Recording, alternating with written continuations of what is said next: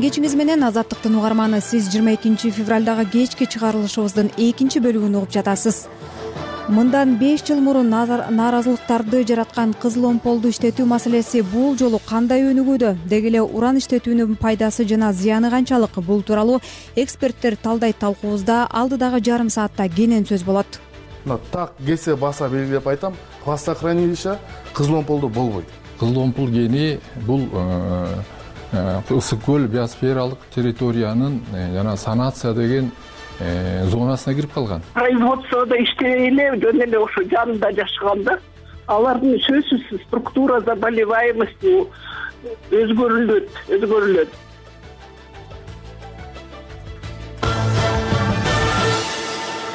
Токтосун шамбетовдон соңку жаңылыктарды угуп алалы. Рахмат саламатсыздарбы жогорку кеңеш жыйырма экинчи февралдагы жыйынында коммерциялык эмес уюмдар жөнүндөгү мыйзам долбоорун экинчи окууда колдоду. Документке алтымыш төрт депутат макул беш депутат э, дастан бекешев чыңгыз айдарбеков сейитбек атамбаев эрулан көкулов жана элвира сурабалдиева каршы добуш берди парламенттин отурумунда айрым депутаттар долбоор кабыл алынса билим берүү гендердик теңчилик жана социалдык маселелерди чечүү боюнча иштеген уюмдарга кедергисин тийгизе турганын айтышты. Коомчулукта чет өлкөлүк өкүл деген ат менен таанылган коммерциялык эмес уюмдар жөнүндөгү мыйзам долбоору эки миң жыйырма үчүнчү жылы бешинчи октябрда жогорку кеңеште биринчи окууда кабыл алынган. Автору надира нарматова бул документ өкмөттүк эмес уюмдардын ишине тоскоол болбойт деп айтып келет. Адилет укуктук клиникасы нарматова негизги автор болгон документти иликтеп чыгып ал орусиянын чет элдик агенттери жөнүндөгү мыйзамынын токсон сегиз пайыз окшош экенин аныктаган. Жогорку кеңештин дагы айрым депутаттары кыргызстанда өкмөттүк эмес уюмдар ансыз деле салык кызматына каражаты тууралуу отчет берип жатканын документ алардын ишин көзөмөлдөп жабууга чейин алып бараарын билдирип жатышат ал ортодо transparency international эл аралык уюму кыргызстандын парламентин өкмөт уюмдарга чет өлкөлүк өкүл деген макам берүүгө жол ачкан мыйзам долбоорун кабыл албоого чакырды. Уюмдун сайтындагы билдирүүсүндө чет өлкөгө өкүл мыйзам өлкөдө ансыз да кысымга кабылган жарандык коомду бейөкмөт уюмдардын ишмердүүлүгүн чектөөгө алып келери айтылат. Уюм сунушталган мыйзам долбоору кыргыз бийлигинин адам укугу сөз эркиндигине кысым көрсөтүү тенденциясынын күчөтүп жатышынын бир бөлүгү катары кабыл алынаары белгиленген. Бул белгилүү активисттердин журналисттин камакка алынышын мисал келтирген бишкек шаарында мыйзамсыз кумар оюндарын уюштурган жай аныкталып кырк сегиз киши кармалып суракка алынды. Кармалгандар уюштуруучулар жана кумар ойногондор экени кабарланды. Улуттук коопсуздук боюнча мамлекеттик комитет билдиргендей тергөөнүн жыйынтыгында кумар оюндарын уюштурган топтун бир кишиси сектүү катары атайын кызматтын тергөө абагына камалды атайын кызмат тараткан маалыматта бир топ адамдар телеграм тиркемеси аркылуу маал маалы менен мыйзамсыз кумар оюндарын уюштуруп ар кандай мамлекеттик мекемелерден имараттарды ижарага алышкан. Учурда кыргызстанда чет өлкөлүк чет өлкөлүктөр үчүн ачылган эки казино мыйзамдуу иштеп жатат. Мыйзамга ылайык кыргыз жарандары жана жыйырма бир жашка чейинки чет элдик жарандар казиного киргизилбейт эл аралык кабарларга дагы токтололу. Талибан кыймылынын расмий адамдары жыйырма экинчи февралда газни шаарында адам өлтүрүүгө айыпталган эки киши калың эл чогулган стадиондо өмүрдөн ажыратылганын билдирди. Бул тууралуу азаттыктын оган кызматы жазды. Талиптердин жогорку соту маалымдагандай ататалбаган адамдарды мындай жазага тартуу өкүмүн үч сот жана талиптердин лидери молдо хайбытулла ахунзада чыгарды. Күбөлөргө стадионго видео жана сүрөт тарткан жабдыктарды алып келүүгө тыюу салынды. Ашынган исламчый кыймыл бийликке кайтып келгенден бери соттолгон кишини коомдук жерде өмүрүнөн ажыратуунун алгачкы учуру эки миң жыйырма экинчи жылы декабрда фрах провинциясында катталган. Былтыр июнда лагман чөлкөмүндө беш кишини өлтүргөн адам дагы ошондой жазага тартылган. Талиптер бийликке турган эки миң бир миң тогуз жүз токсон алтынчы эки миң биринчи жылдары дагы мындай тажрыйба кеңири жайылтылган болчу. Талибан адам укуктары бузганы аялдардын билим алуу жана иштөө укугун чектеген үчүн сынга кабылып келет. Дүйнөнүн бир дагы өлкөсү талиптердин өкмөтүн расмий тааный элек ооганстан темасын улай жыйырма экинчи февралда өзбекстан менен ооганстанды байланыштырган темир жолдун хайратон мазари шариф тилкесин оңдоп түзөө иштери башталды. Тараптардын тармактык жетекчилери хайратон наибадат мазари шариф темир жолдорду реконструкциялоо тууралуу былтыр ноябрда макулдашкан. Азаттыктын өзбек кызматы ооган тарапка шилтеме берип жазгандай өзбек компаниясы ремонтту сапаттуу жана жарым баасына жасап берүүнү убада кылды. Борбор азия өлкөлөрү ооганстандагы бийликти басып алган талиптерди тааныбаганы менен кабул менен соода экономикалык карым катнашты улантып келет улуттук коопсуздук боюнча мамлекеттик комитет бишкектеги улуттук госпиталдын кызматкерине кол көтөрдү деген шек менен Э, бир аялды кармап тергөө абагына киргизилгенин билдирди. Ага карата кылмыш жаза кодексинин эки жүз сексен сегиз эки жүз сексенинчи беренеси бейбаштык боюнча ис козголуп тергөө жүрүп жатат. Улуттук госпиталдын миң айымы оюнан козголуп ооруканага жаткырылган. Буга чейин миң айымдар ассоциациясы бул окуя боюнча улуттук коопсуздук комитетине кайрылышкан атайын кызмат медицина кызматкерлерине кол салууга жол берилбестигин жана мыйзам чегинде чара көрүлөөрүн белгилейт жыйырманчы февралда бишкектеги улуттук госпиталдын башкы дарыгери бакыт төлөгөнов видео кайрылуу жасап травматология бөлүмүнүн медайымы бейтаптын тууганынан запкы көрүп ооруканага жатканын айткан. Февралдын башында ош облустук психиатрия жана наркология борборунун дарыгерлерин бейтаптын жакындары сабаган ак халатчаларды урду деп айыпталган жаранды милиция кармап кийин ал үй камагына чыккан рахмат микрофондо соңку жаңылыктар менен кесиптешим токтосун шамбетов болду. Кабарлардын толук топтому азаттыктын сайтында да турат. Андан сырткары фейсбук инстаграм x өңдүү социалдык тармактардагы баракчаларыбызда макала баяндар жарыяланган кирип окуп пикир калтырып башка социалдык тармактарда да бөлүшкөндү унутпаңыз кыргызстанда кызыл омпол кенин казуу демилгеси кызуу талкууда. Бийлик кенди толугу менен мамлекет иштетерин ага жакын жайгашкан аймактарда өнүгүү болорун убадалады жергиликтүү тургундарды болсо экология маселеси чочулатып жаткандай. Мындан беш жыл мурун нааразылыктарды жараткан кызыл омполду иштетүү маселеси бул жолу кандай өнүгүүдө? Деги эле уран иштетүүнүн пайдасы жана зыяны канчалык? Эксперттер талдайт берүүсүнүн бул чыгарылышында кызыл омпол уран кени талкууланды. Программабыздын коноктору эколог медицина илимдеринин кандидаты калия молдогазиева тоо кенчилер бирлигинин төрагасы дүйшөнбек камчыбеков кыргыз алтын ишканасынын эксперти марс токтоназаров радиациялык жана ядролук тармактар боюнча эксперт эсенжан токтоназаров болду. Берүүнү даярдап алып чыккан айбек бийбосунов урматтуу уроктор марс мырза мен талкууну дароо сизден э, баштайын деп атам. Мына кыргыз алтын ишканасынын эксперти катары айтсаңыз э, кызыл омполдогу уран кенин уран кени кандай иштетилгени жатат качан иштетилгени жатат жана э, министрлер кабинетине бул боюнча кандай пландары бар анан канча убакытта ишке ашышы мүмкүн. Кызыл омпол титаномагнетит чачыранды кени э, бияктан баса белгилеп кетчү нерсе э, көп сөздүн тегерегинин баары биякта уран жөнүндө болуп атат. А кызыл омполдо токсон беш пайыз металл бул титаномагнетит э, цирконий бар фосфор бар торий анан уран. Торийдин содержаниясы бул ноль ноль он беш пайыз бул эң кедей содержание деген билгизет да. Биякта основной металл негизи титаномагнетит биз айтканда да ошо туура айтсак да таш булак или кызыл омпол титаномагнетит чачыранды кени деп э, эмне казылып алынат ошондо? Титаномагнетит титан уран мындай да. Уран казылбайбы же болбосо анын үлүшү аябай азбы урандын уран бул сопутствующий болуп кетет да. Анын үлүшү аябай аз а казуунун башкы максаты уранбы же болбосо сиз айтып аткан башка металл казуунун башкы максаты бул титаномагнетит а уран болгон үчүн анын сопутствующий калтыра албайбыз да. Аны кошот алып кетебиз да. Тазалап кетебиз. Анан эң айтып аткан нерсе биякта жанагы экологиялык маселе элди түйшөлтүп атат деп сиз айтып кетпедиңизби ошо боюнча жооп берип койсом биякта эми ал жергиликтүү тургундардын пикири бир да жардыруу анан бургулоо иштери болбойт жардыруу бургулоо иштери болбойт. Анткени титаномагнетит чачыранды кен бул жер кыртышынын үстүңкү катмарында жайгашкан да. Жыйырма беш отуз метрге чейин жердин үстүндө. Жардыруу иштери болбойт. Э, ар кандай химиялык реагенттер кошулбайт. Тек гана суу менен эле бул россыпь да чайкап эле алып кетебиз. Анан химиялык реагенттер кошулбагандан кийин жана элдин баары чочуп аткан хвостохранилище мына так кесе баса белгилеп айтам хвостохранилище кызыл омполдо болбойт. Каякта болот анткени биз аны ташып кумду коллективный концентрат дейт аны кара балтага алып кетебиз. Андан ары кара балтадан иштелет да. Түшүнүктүү. Дүйшөнбек мырза суроону сизге узатайын. Мына ушул жанагы уу калдыктар боюнча коомчулукта маселе бар. Э, э, анткени бул боюнча чочулоо ошол эле кажы сай майлуу суу шековтар миң куш ушул бишкекке жакын эле жайгашкан ак түстөн кийин дагы мына уу калдыктар э, чогулган жайлар боюнча маселе болуп азыркыга чейин аны жок кыла албай. Донорлорго эл аралык мамлекеттерге уюмдарга дагы кайрылып келебиз да анан. Ушул боюнча сизден сурайын деп атам. Эми бул жерде адис катарында геолог дагы тоо кен инженери катарында дагы мен так айтып келгем азыр да айтам биздеги жайгашкан кендин кайсы түрү болбосун биринчи кезекте э, момундай шарттарды эске алуу менен иштетилиш керек да. Бул биринчи кезекте э, экономика жагынан пайдасы барбы бул кенди иштетсек. Анан экинчи жагынан э, экологияга зыяны барбы же жокпу депчи.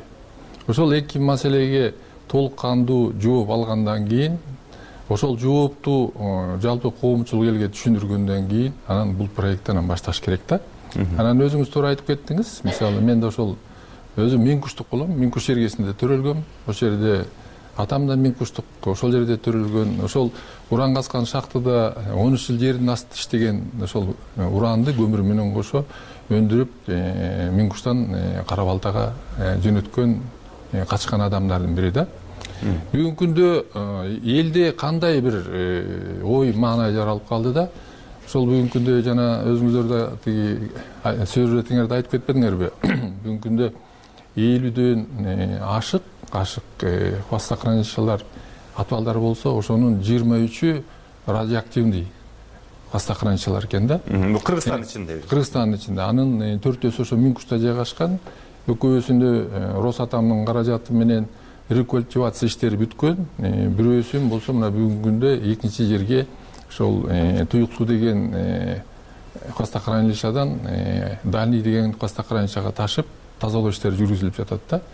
Э, кадышайдагы иштер э, бүткөн ал жердеги. Шкафтардагы жумуштар дагы бүткөн э, майлуу суудагы жазыла турган иштерди мына бүгүнкү күндө жасайбыз деп атышат да. Эми бүгүнкү күндө ошол канча жылдан бери могул алтымыш жылдардын элүүнчү жылдардын аягында ошол проекттер токтоп ошолдон пайда болгон хвостохранилищаларды биз бүгүнкү күнгө чейин тазалай албай Э, радиоактивный отходдор бар деп э, ал жерде радиационный фонд өтө чоң экен деген маселе менен э, биз жашап келгенбиз. Биздин тиги бийликтеги адамдарыбыз дагы дүйнөлүк өзүңүз айтып аткандай коомчулуктарга кайрылып ошол эле росатомго кайрылып ошол хвостохранилищаларды отвалдарды баягы рекультивация иштерин жүргүзүп келип атат да элде мына бүгүнкү күндө ушундай ой пайда болуп жаралып калган да эгер уран болсо бул зыяндуу депчи уран болсо бул зыяндуу деп. Бүгүнкү күндө мисалы бүгүнкү күндө мен дагы ал жер э, зыяндуу же зыян эмес деп э, айтуудан э, алысыраак болом. Бул маселеге биринчи кезекте сөзсүз түрдө ошол экологдордун катышуусу менен эксперттик жасалган жумуштардын жыйынтыгынын негизинде эгер ошол кенди иштетсек бизге эч кандай зыяны жок болот деп айтыш керек да. Ошонун негизинде анан бүгүн эле мисалы э, айтылып калды эртең эле иштей баштайбыз деген э, мисалы жагдайдан биз бүгүнкү күндө алысыраак болушубуз керек да. Себеби ошол э, эксперттердин экологдордун айткан жыйынтыгынын негизинде биз биринчи кезекте кызыл омпул кени бул ысык көл биосфералык территориянын жана санация деген зонасына кирип калган. Биз ошол зонадан чыгарышыбыз керек. Бул жерде чоң талкуу э, эксперттердин биринчи кезекте экологдордун чоң э, алдыда жумушу бар. Ошолор э, ошондой жыйынтык чыгарып берсе анда ал территориядан чыгаргандан кийин андан сырткары бизде кабыл алынып калган мыйзам да бар кыргызстанда эки миң он тогузунчу менен торийге байланыштуу байланыштуу иштетүү эмес даже сырттан алып келип киргизгенге дагы уруксат жок деп. Биз бул чечимдерди жокко чыгарып кабыл алгандан кийин гана анан э, бул проектти ишке ашыруу үчүн э, проект жазылып түзүлүш керек теосу даярдалыш керек анан экспертизалардан өтүш керек. Анан положительный экспертизаларды алгандан кийин э, тиешелүү бизде мамлекеттик органдар бар да ошондон алгандан кийин анан бул проект анан ишке киргизиле баштайт деп анан айтсак болот да. Эсен башка мырза дагы жагдайлар бар аны дагы кийинчерээк сурооңуз болсо жооп беребиз дагы эсенжан мырза мына мен ушул долбоордун азыркы абалы боюнча сизден дагы сурайын деп атам. Биз азыр ошол э, долбоор кайсыл абалда турат ошол эле айткан э, экологдордун э, кандайдыр бир жыйынтыгы тыянагы барбы анан жергиликтүү тургундардын ошол кенге жакын жашаган жарандардын чочулоосунда негиз барбы негизи?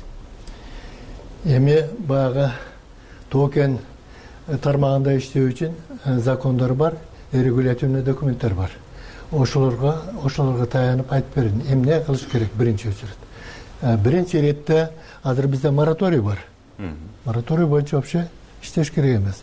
Биринчи иретте азыр э, бүгүнкү карап аткан маселемде мен экиге бөлгүм келет. Биринчи суроо. Ал мораторий боюнча алыш керекпи албай эле коюп коюш керекпи. Экинчи суроо. Кызыл омпол конкретный. Эми биринчи суроо боюнча сразу айтып кетейин. Э, биз өзүбүзгө өзүбүз кишен салып алганбыз. Мораторий коюп. Кошуна өлкөлөрдө мораторий жок. Уранды чыгарып эле атышат.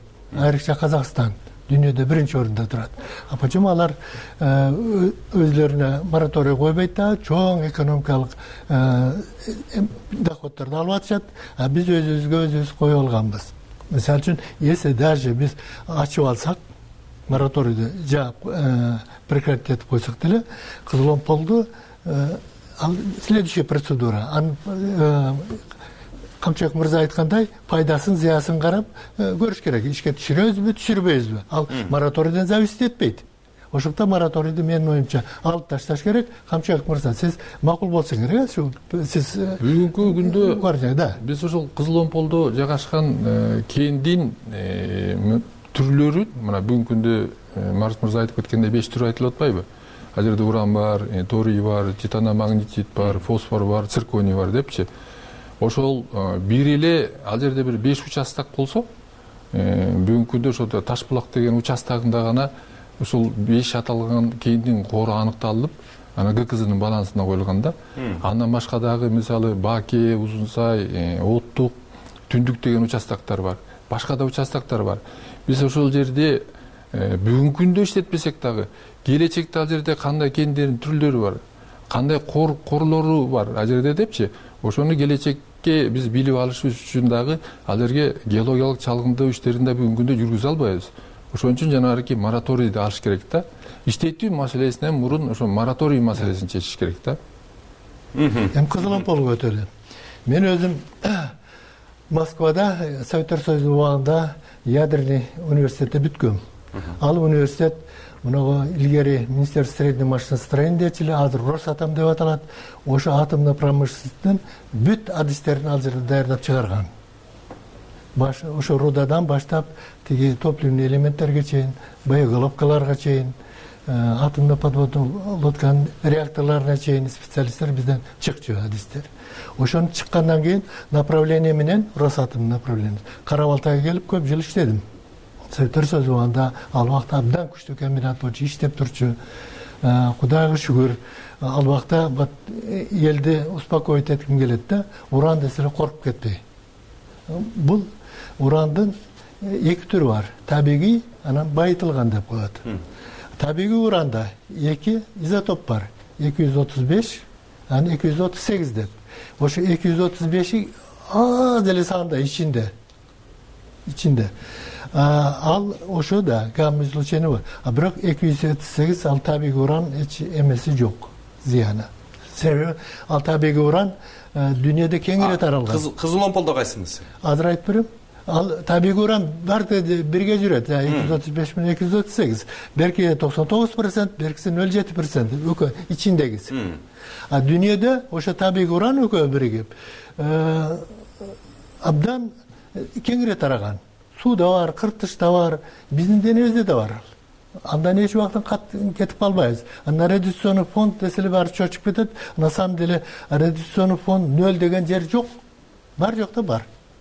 Бир жерде өйдөрөөк бир жерде ылдыйраак суроо только нормасы. Ошол эле. Эми кызыл омполду алсак жакында эле радиационный фонду мчстин адистери менен барып өлчөп келди.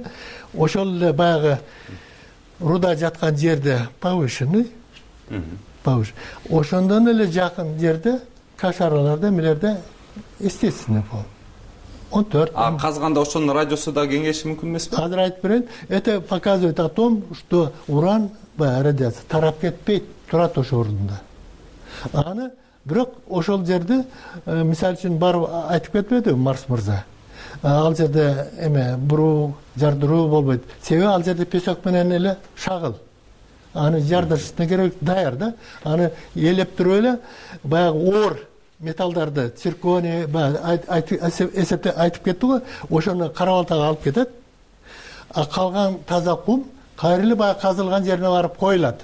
Мурун сыртка алып койгон баягы үстүңкү топурак кыртышы өсүмдүк кыртышы кайра үстүнө барып э, коюлуп андан кийин культивационный фонд деген болот. Эсенжин мырза негизи эле биз э, көпчүлүк коомчулук баардыгыбыз эле уранды биз радиоактивдүү элемент деп билебиз да? Негизи ошондойбу ошого мен рахмат деп атпайм бүгүн площадка берип элге өзүм адис катары өмүр мына жетимиш экиге чыгып калдым. Мына э, баягы бизде сетка бар эле баягы вредный санда ошонун баары менде бар. Бирок нормально эле сезем өзүм. Ушул жерден биз экологдун дагы пикирин угалы деп атабыз э, бизге ошо телефон аркылуу эколог медицина илимдеринин кандидаты калия молдогазиева катышып жатат. Калия айым бизди угуп аткан болсоңуз анда мен суроомду узата берейин. Мына биз талкуунун жүрүшүндө ошол э, кызыл омпол кени боюнча талкуу жүргүзүүдөбүз. Аны казуу боюнча жергиликтүү тургундарда экологияга байланыштуу чочулоо бар. Ушул боюнча сизди сурайын деп аткам уранды иштетүүнүн экологиялык тобокелчиликтери барбы? Бар болсо канчалык? Эми уранды иштей турган э, мындай э, мекемелер производстволор э, аябай мындай опасный болот да эми азыркы эксперттер айтып аткан биз жөн эле эмени алып барып кара балтага алып барып иштетебиз деген ал жөн эле общий сөз да. Пока тео тео технико экономический обоснованияны жарыялап аны эксперттер менен талкуулап анан элдер менен бир гана ысык көлдүн эли менен эмес бүт кыргызстандын элге э, бүт информация бериш керек да. У нас закон о доступе к информации есть. Мен билбейм балким э, ал э, анча деле зыяны жок болбойбу азыр билбейбиз биз кызыл омполду бирок аны талкуулап изилдеп азыр вот тиги дүйшүнбеков деген эксперт айтты теосу жок азыркыга чейин. Полностью изилделген жок деп. Анан кандай эле ушундай жарыялап президенттин атынан ушундай иштетебиз деп атат. Ошол суроолор пайда болуп атат да. Уран өзү зыяндуу болот. Урандын өзү э, ошо айтты эки изотоп бар. Двести тридцать восемь анан э, двести тридцать пять. Бирок ал жөн эле жатса жерде андай зыяны жок. Бирок анан иштетип нары бери ташып грузовик менен ташып чаңы чачырап сууга кирип подземный сууга киргенден кийин сөзсүз таасир э, болот. Сөзсүз таасир жаратылышка өсүмдүктөргө жаныбарларга элдин ден соолугуна мен могу майлуу суу анан андай хвостохранилищанын эмелерин изилдегем э, көпкө жаша ошол региондо жашаган элдер ал производстводо иштебей эле жөн эле ошо жанында жашаган да алардын сөзсүз структура заболеваемости өзгөрүлөт өзгөрүлөт. Көбүнчө различные э, э, костно-мышечный сустав анан кичинекей балдардын аномалиялары пайдасы болушу мүмкүн да статистикалык э, данный бар ошондой. Анан ошону изилдеп действительно эксперт менен сүйлөшүп эколог менен эме медицинский работник менен окумуштуулар менен изилдеп анан чечим алыш керек да азыр эле иштетебиз деп мындай бай эл байыйт биз байыйбыз кыргызстан байыйт деп бул жөн эле мындай пока я не вижу обоснования да? Анан могу закондорду азыр отменять этебиз деп атат бул кызык эле э, айтышта как можно принять закон допустим биосферная территория бул жалаң кыргызстандын эмес он под эгидой юнеско международная признанная биосферная территория. Анан согласно этой закону биосферной территории. Эч кандай моундай вредный производство андай мындайларды жайылыштырбаш керек только туризм сельское хозяйство ошону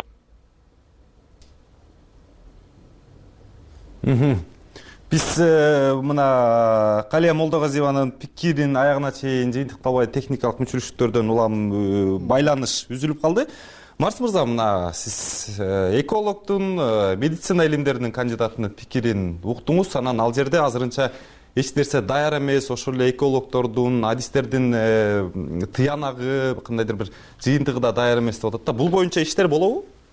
Бул боюнча иштер эки миң он тогузунчу жылы болгон да негизи.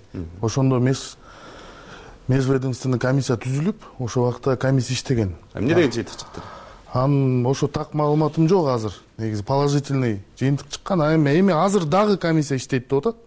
Дагы комиссия иштейт. Бирок ошонун баары иштеп кылыныш үчүн жана биякта байкелер айтып кетпедиби? Мораторий турат депчи. Закон турат деп. Ошол законду кайра жокко чыгарабыз. Тиги жогорку кеңешке чыгарабыз депчи. Жогорку кеңеш макул болсо макул болсо ошо жогорку кеңешке чыгарабыз деп. Анан жана суулар боюнча айтып кетпедиби? Ошо суулар боюнча кичине немем дополнением бар эле. Таш булак кенинде булактар бар. Түндүк деген булак бар үч төрт булак көп. Анан ошо жергиликтүү тургундар өзүлөрү деле билет баягы жаан жаап э, рассыпной месторожденияда баягы чачырандычы. Коренной эмес жердин түбүндө эмес да үстүн үстүңкү катмарында. Анан жаан жаап жанагы урандар ачык ачык уже ачылып калган да. Уже турат.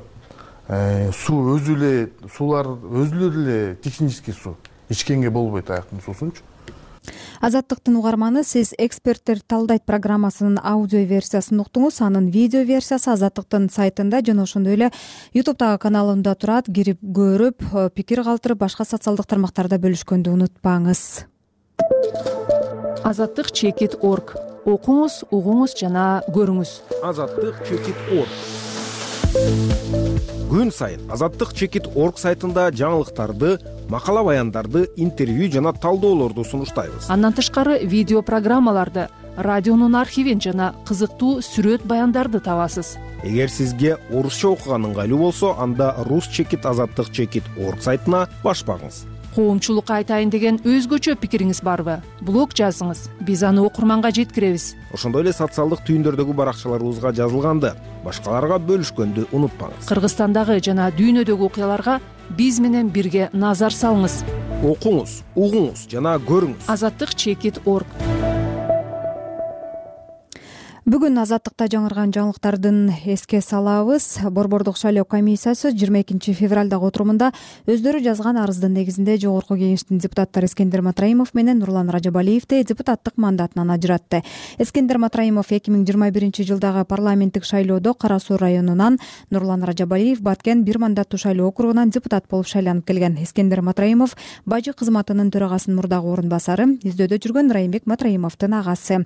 Ал эми нурлан ражабалиев эки миң жыйырма биринчи жылы жыйырма жетинчи январда коррупция беренеси боюнча соттолгон бул тууралуу алдыда э, жогоруда макалада жаңырды. Атайын кызмат беш сары ишканасынын негиздөөчүсү парламенттин мурдагы депутаты камчыбек жолдошбаев салык төлөөдөн качуу жана алдамчылыкка шектелип кармалганын билдирди. Атайын кызматтын кабарлашынча камчыбек жолдошбаев негиздеген беш сары компаниясы көп жылдардан бери кош бухгалтердик эсепке алуу иштерин жүргүзүп келгени аныкталган. Укмк мындан сырткары документтеринде соода жайлар үчүн алынган пайда жасалма түрдө төмөндөтүлүп салык органдарына жалган маалыматтарды берип келген деп билдирди. Учурда жолдошбаев атайын кызматтын тергөө абагына камалды э, тергөө жүрүп жатат. Камчыбек жолдошбаев беш сары компаниясынын негиздөөчүсү жана кожоюну катары белгилүү ал парламенттин алтынчы чакырылышынын депутаты болгон жолдошбаев парламенттеги талкуу жараткан билдирүүлөрү менен белгилүү. Бишкек шаардык соту жыйырма экинчи февралда жогорку кеңештеги бүтүн кыргызстан фракциясынын лидери адахан мадумаровду абакта калтырды анын адвокаттары саясатчынын бөгөт чарасын өзгөртүү боюнча апелляциялык арыз берип сот аны канааттандырган жок. Адахан мадумаров эки кылмыш иши козголуп бири өндүрүшкө бириктирилген. Биринчиси кыргыз тажик чек арасындагы тилке боюнча эки миң тогузунчу жылы протоколго кол койгону үчүн ага мамлекеттик чыккынчылык деген берене менен айып тагылууда экинчи алдамчылык беренеси. Израиль газанын түндүгүндөгү рафах шаарына абадан сокку урду ал жерде анклавдын түндүгүнөн агылган дээрлик бир миллион төрт жүз миң киши качкын чатырларда алачыктарда баш пааналап жүрөт. Рейтер агенттиги кабарлагандай бомбалар мечитке жана бир нече турак жайга тийди ал фарах мечитте күмжан болуп жанындагы үйлөрдү дубалдар урап калган. Кадырман угарман ушуну менен азаттыктын жыйырма экинчи февралдагы кечки уктурууларын жыйынтыктайбыз аны алып барган кундуз кызылжарова ал эми режиссердук пультта кесиптешим максат ахматжан уулу болду. Саламатта туруңуздар